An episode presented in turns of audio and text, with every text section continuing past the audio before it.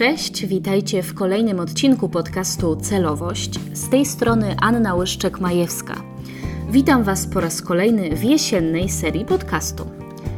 Zadajemy sobie w niej różne pytania po to, żeby zakończyć ten rok z mocnymi odpowiedziami, które będą bazą do podejmowania strategicznych decyzji.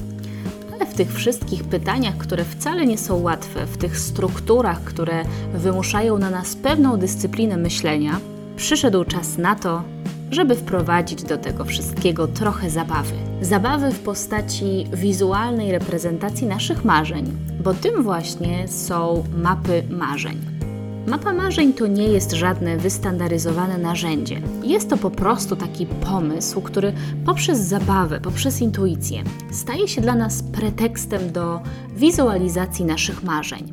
Możemy nadać im kształt, doprecyzować je to wszystko, co mamy w głowie, to wszystko, czego byśmy chcieli, przestaje być tylko głosem, który słyszymy, kiedy dopuszczamy do siebie takie myśli. I zaczyna być to wszystko właśnie obrazem. I to jest siła mapy marzeń.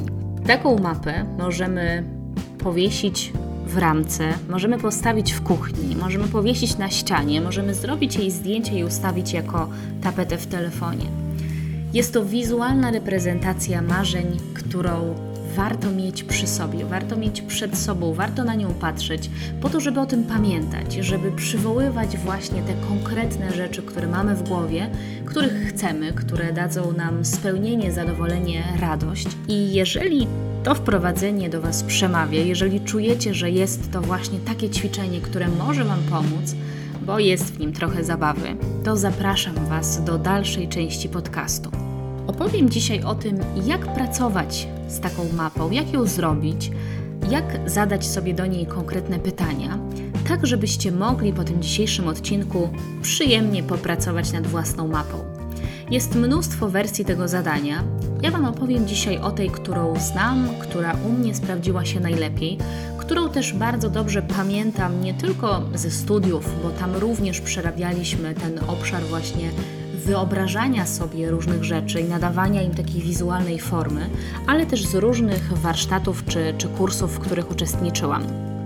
Muszę Wam też przyznać, że tworzenie mapy marzeń jest wpisane u mnie w taki dosyć cykliczny rytuał, ale o tym opowiem Wam na samym końcu, w jaki sposób właśnie ta mapa marzeń pojawia się u mnie w kuchni, kiedy ją e, przygotowuję i co jaki czas ją zmieniam. Pierwszą mapę marzeń zrobioną tak naprawdę intencjonalnie nie tylko jako zbiór różnych y, elementów z gazet, który trochę przypadkowo łączy się w całość i jest kolażem, ale jako rzeczywiście takie narzędzie wnikliwej analizy, pogłębienie świadomości i wiedzy o samej sobie, zrobiłam podczas jednego zjazdu na studiach. To było wtedy naszym zadaniem.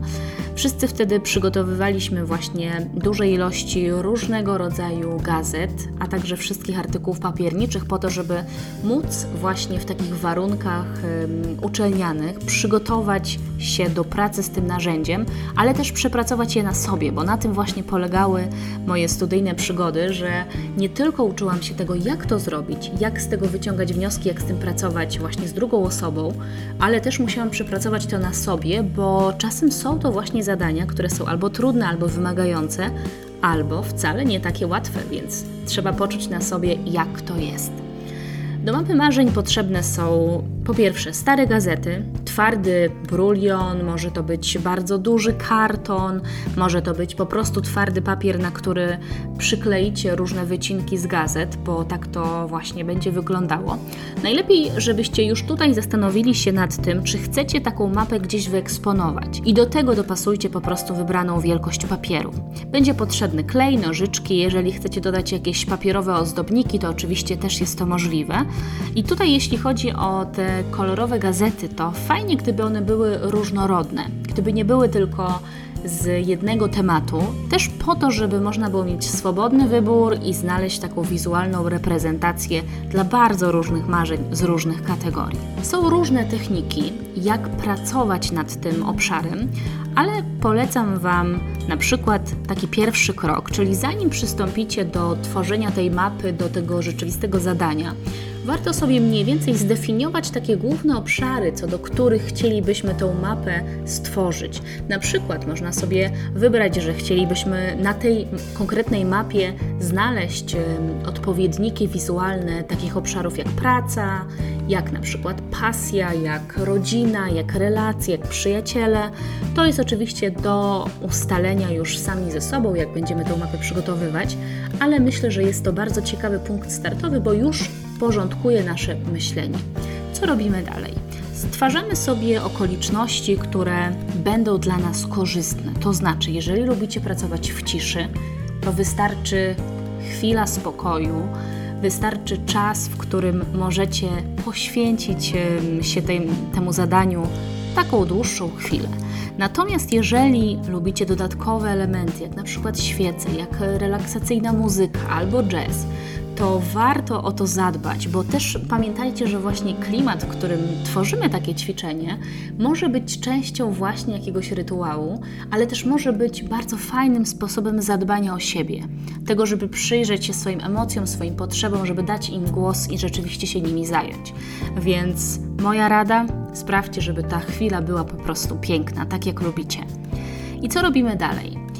Następna, następny krok w tworzeniu tej mapy to po prostu szukanie w poszczególnych gazetach odzwierciedlenia naszych marzeń. Jeżeli marzymy o czerwonym samochodzie, to szukamy czerwonego samochodu. Jeżeli marzymy o pięknym widoku na góry, to szukamy takiego obrazka. To wszystko po to, żeby skonkretyzować to, co mamy w głowie, to, o czym marzymy, to, co czujemy, że właśnie chcielibyśmy, żeby znalazło się na tej naszej mapie. Bardzo ważne też jest e, to, żeby sposób, w który dodajemy te poszczególne elementy, odzwierciedlał priorytety. To znaczy, warto zadbać o to, że jeżeli w naszej głowie bardzo dużą część tej sfery marzeń zajmuje właśnie kontakt z naturą, taka bezpośrednia relacja z zielonym otoczeniem, z tym, żeby być blisko natury, blisko drzew, to zadbajmy o to, żeby to było widoczne na tej mapie, żeby było czuć właśnie tą naturę, tą zieleń, te rośliny, tą przyrodę, bo dzięki temu też wizualnie zupełnie inaczej reagujemy, patrząc właśnie na tak stworzoną mapę. Kiedy uda nam się znaleźć e, i powyrywać już z gazet różne zdjęcia, różne wizualizacje, przyklejamy to wszystko na naszą mapę. I tutaj właściwie można by było powiedzieć, że już kończy się to zadanie. Nasza mapa już jest skończona, kiedy tak właśnie uznajemy.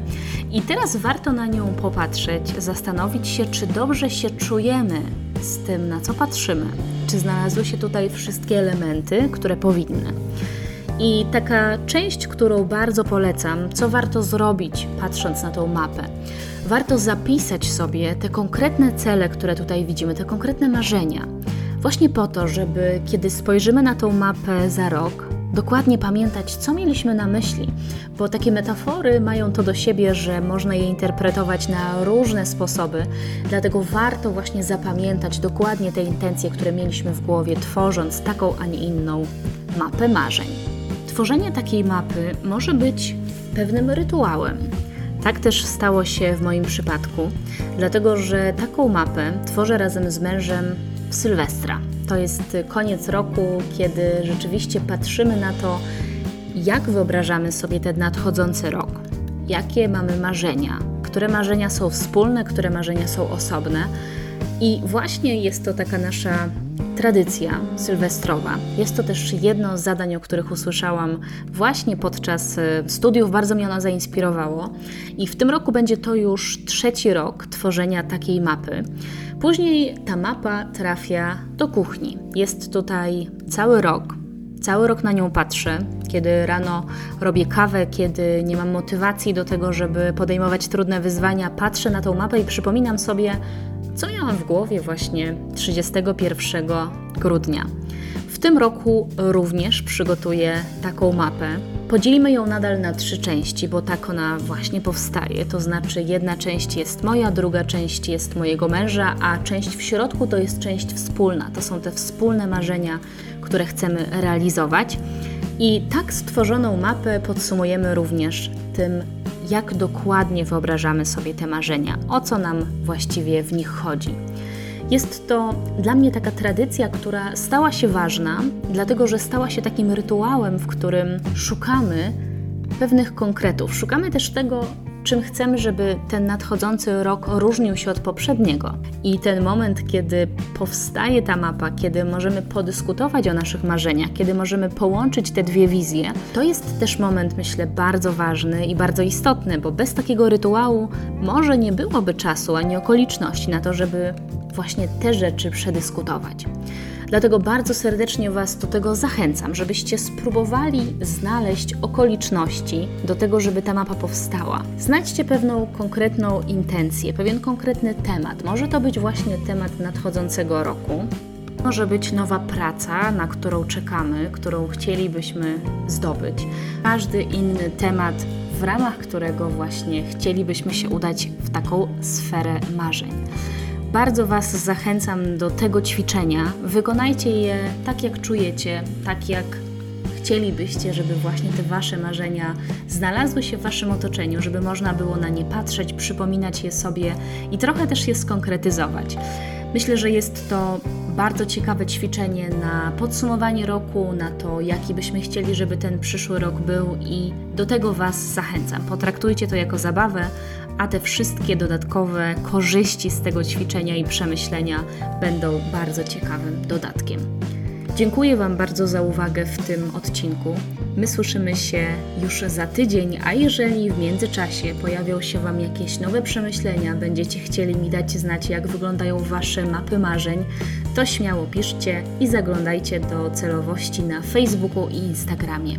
Do usłyszenia.